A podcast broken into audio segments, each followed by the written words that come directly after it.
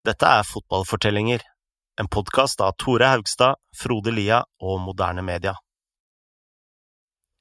Når Sam Allardyce går glipp av England-jobben, begynner han å mistenke at han blir hindret av sin egen styreformann. Det skaper en splittelse som får Big Sam til å forlate Bolten. De neste årene byr på Mike Ashley, en fuktig kveld i Kroatia og eiere fra den indiske kyllingindustrien.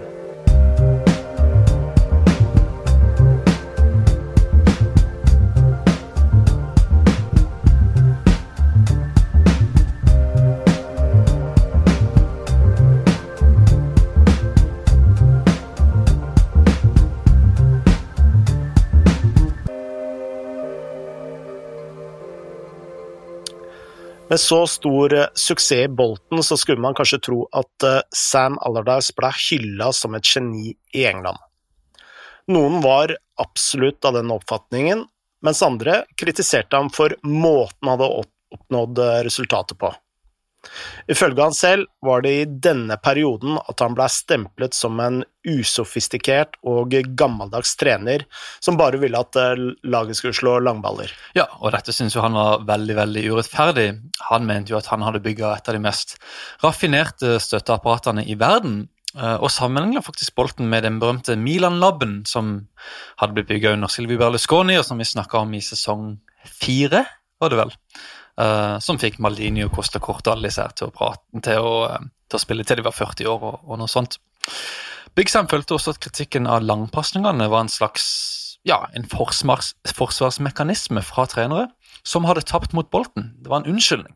Mm. Og Dette var typer som liksom Graham Sunes, Arsen Wenger og Rafa Benitez. Det måtte alltid finnes en unnskyldning for å tape mot et Sam Allardyce-lag, skrev Sam Allardyce. Responsen til dette fra Allardyce var å rakke ned på sine kritikere, og han anså spesielt Wenger og Benitez som en del av en elite som fikk store jobber og masse kreditt fordi de var utenlandske og hadde eksotiske navn. Av samme årsak elsket han å slå Arsenal og Liverpool. Og Spesielt Arsenal fikk jo enormt mye bank på Rebook Stadium, um, ofte bokstavelig talt. Um, og Wenger klagde jo på ofte, eh, ofte, på Boltons fysiske stil, og at dommerne ikke beskytta de tekniske spillerne som faktisk turte å ha ballen i veien. Uh, Allardyce mente på sin side at Wenger gjerne hjernevaska folk til å tro at Bolten var mer direkte enn andre lag. Um, han skrev at når de slo ballen 50 meter, så var det en sofistikert langpassing fremover. Når vi gjorde det, så var det bare å måke ballen oppover. Heller ikke Benitez eh, slapp eh, unna Allardyce eh, sitt vrede. Allerede i, i Raffas andre bortekamp i England i 2004 møtte han Bolton. Bolton vant 1-0, og Davies brakk nesa til selveste Sami Hypie i en duell. Og Rafa var selvsagt rasende, og da han møtte Big Sam seks år senere, kom det en eh, uttalelse om eh, Big Sams eh, taktikk og spillestil som oste av sarkasme. Jeg tror det er en eksemplarisk modell for alle trenere rundt i verden, sa Rafa om Big Sams taktikk. Jeg har hørt rykter om at Barcelona vurderer å kopiere spillestilen. Ja, uh, og Allardyce var selvfølgelig ikke noe fan av dette. Uh, han mente helt dypt og helt, helt genuint så mente han at han var vel så god som både Benitez og, og Wenger. Han mente også at han hadde vært en suksess i Spania, altså i spansk fotball, om han bare hadde mestra språket og liksom tatt steget dit. Om bare, om bare. Om bare, om bare. Uh, denne greia med at utenlandske trenere har mer avanserte metoder enn oss, er bare tull, skrev Big Sam. Vi kan jo bare forestille oss eh, hva Big Sam følte da England ansatte en utenlandsk trener i form av eh, Fabio Capello. Fabio Capello. Men etter VM i 2010 var Capello ute, og Allardyce var blant kandidatene til å få jobben. Dette var etter at Bolton hadde en, tatt en ny åttendeplass i Premier League og gått videre fra sin gruppe i Uefa-cupen. Hans eh, store rival til jobben var eh, Steve McLaren, som hadde ført eh, Middlesbrough til 14.-plass og finale i Uefa-cupen. Men til Big Sams store fortvilelse var det McLaren som fikk jobben. Og Allardyce hadde sine mistanker om hvorfor. Han hadde forberedt en powerpoint-presentasjon som han følte ville garantere han jobben. Altså, dette var liksom eh, powerpoint-presentasjoner over alle powerpoint-presentasjoner. Uh, var, var, på Bjelsa-nivå? ja, det høres sånn ut. Uh, men problemet til Vigsheim var at stedet hvor Fotballforbundet holdt intervjuet, ikke hadde fasiliteter til å spille av presentasjonen. Det er jo Det er så typisk engelsk. Ja, altså Iallfall Fotballforbundet i England, som er det mest erkekonservative du finner, har ikke teknologien til å spille av et så avansert dokument. Så Big Sam uh, vi kan jo uh, vi kan jo si at han lå forut for sin tid her. Mm. Han måtte da skrive ut denne presentasjonen eh, på masse A4-ark, og så dele disse ut til, til styret, og, eller til panelet. Og dette var jo verken like elegant eller effektivt, og han følte jo at dette var en stor faktor i at han eh, ja, ikke fikk jobben. En kanskje enda mer alvorlig faktor var at han følte at Boltons egen styreformann hadde hindret ham. Phil Gartside var eh, nemlig på panelet som avgjorde hvem som skulle få jobben, og risikerte dermed å miste sin egen suksesstrener om England valgte Big Sam. Forholdet mellom disse to ble enda verre neste sesong. Uh, Allardyce hadde på en eller annen måte klart å slå kloa i Nicolas Anelka, og hadde ført laget til fjerdeplass etter 20 kamper.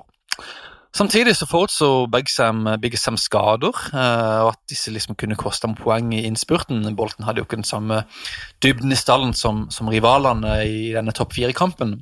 Så i januar så var Big Sam selveste Mr. Gartside om penger til å forsterke stallen, sånn at de kanskje kunne klare topp fire og få større inntekter og, og komme opp på et nytt nivå. Men Gartside han satte foten ned, han sa nei. Og det var også kroken på døra for Allardyce i Bolton.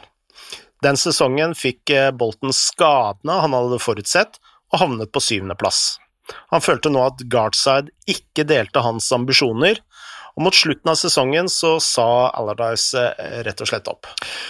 Og Det ble jo en trist uh, slutt på dette Bolton-eventyret, men det positive for Allardyce var jo at han nå var mer ettertrakta enn noen gang. Han ble snart tilbudt jobben i Newcastle, hvor styreformannen Freddy Shepherd lenge hadde ønska seg Big Sam. Men kort tid etter, ansettelsen så ble klubben kjøpt opp av Mike Ashley, og snart var Shepherd ute. Og da har du Big Sam i den situasjonen at han begynner å jobbe for en sjef som ikke hadde ansatt han. Og det er jo ikke, det er jo ikke bra for noen.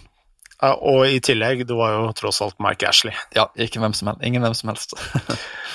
det skulle bli et eh, kortvarig opphold på Tyneside. Resultatene var skuffende og fotballen enda verre. Kjøpene floppet, eh, blant dem Joey Barton, som den sesongen ble dømt til seks måneders fengsel for et eh, overfall i Liverpool.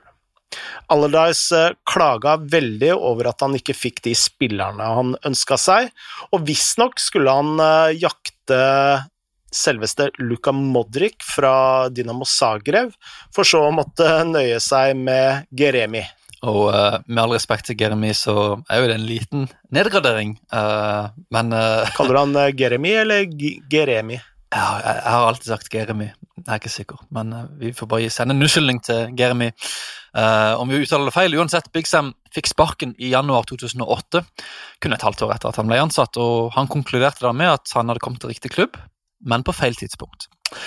Deretter gikk det elleve måneder før han fikk en ny jobb, og denne gangen var det til Blackburn, og uh, vi snakka jo om disse litt sånn ja, ikke lite i, i, Vi kan ikke si de, ikke de mest glamorøse klubbene han var rundt i, i spillerkarrieren.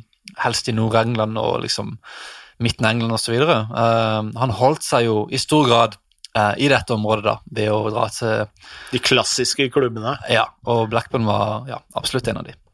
Dette var jo på mange måter den første redningsaksjonen til Big Sam. Laget var på 17.-plass og hadde et uh, forsvar som lakk som en sil. Så fort han hadde blitt ansatt, fryktet uh, spillerne kjedelig langpostningsfotball og ønsket nesten med en gang en annen trener. Men Big Sam er ikke Big Sam for ikke noe. For han uh, fikk dem selvsagt over på sin side, som han uh, nesten alltid gjør. Mm. Uh, han viste rett og slett spillerne en rekke klipp, og her kommer den analytiske Allardyce inn igjen. Og dette er litt sånn utypisk engelsk, egentlig, som man egentlig forbinder Allardyce med. Mm. Det er iallfall ikke noe sånn Harry Rednap-greie at du bare ja, go out lads and play, og så blir taktikktavla stående i hjørnet. Nei, og det, nå er vi kanskje inne på litt sånn der kjernen på uh, den tvetydige Big Sam, da. Absolutt. For på den ene siden så er han den typiske erkebritiske, mens han har disse hva skal vi kalle det, kontinentale trenersidene i seg. Mm. Uansett, han uh, inviterte alle spillerne på en analysekveld og viste dem en rekke videoklipp som viste hvorfor de hadde sluppet inn så mange mål.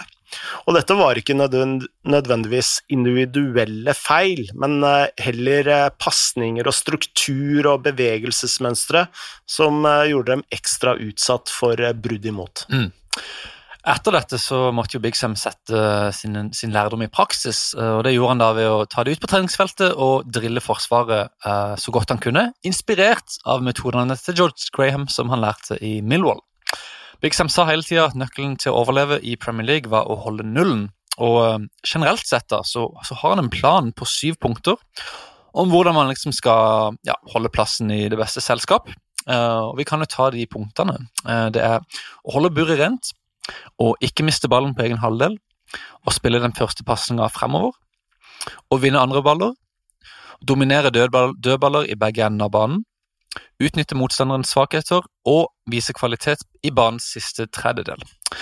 Og Dette er jo en plan som, ja, som går ut på egentlig å ikke gi motstanderen noe gratis, uh, unngå feil. Uh, og gjøre de enkle tingene veldig veldig bra. Um, det er utvilsomt ikke noe Pep Guardiola hadde stifta sammen, men um, det har fungert for uh, Big Sam i stor grad, og, og, Blackburn var ikke noe unntak. I første kampen uh, de hadde under Big Sam, så slo de Stoke 3-0.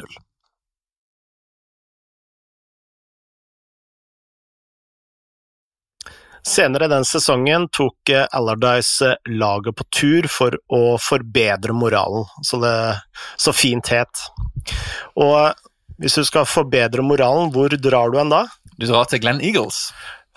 Ikke mindre enn Glenn Eagles, eh, som var et luksushotell nordøst i England.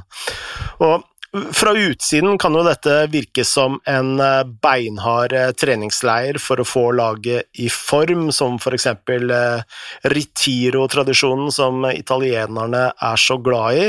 Men her kommer virkelig den erkebritiske siden av Sam Allardyce frem igjen.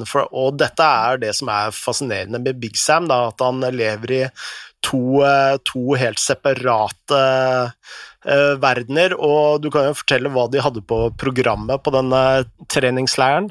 Ja, altså Vi snakker om Big Sam som analytikeren, men uh, her er liksom Big Sam som, som den personen man liksom forbinder han med fra utsida. da. Mm. Uh, Spillerne hadde jo ikke peiling på hva som venta de når de satte seg på bussen til Glenn Eagles, men da de kom til Carlisle, så fikk de en idé. Der stoppa de ved et stort supermarked og så ba Big Sam to av spillerne om å gå inn på supermarkedet, ta tak i ei trillevogn og fylle den med så mye pils og alkohol og booze som de bare klarte. Og Det satte egentlig standarden for turen. Det ble en, eh, ja, en, en, en liten fest, egentlig. Eh, og det virka. Eh, mot slutten av sesongen så beholdt Blackburn plassen.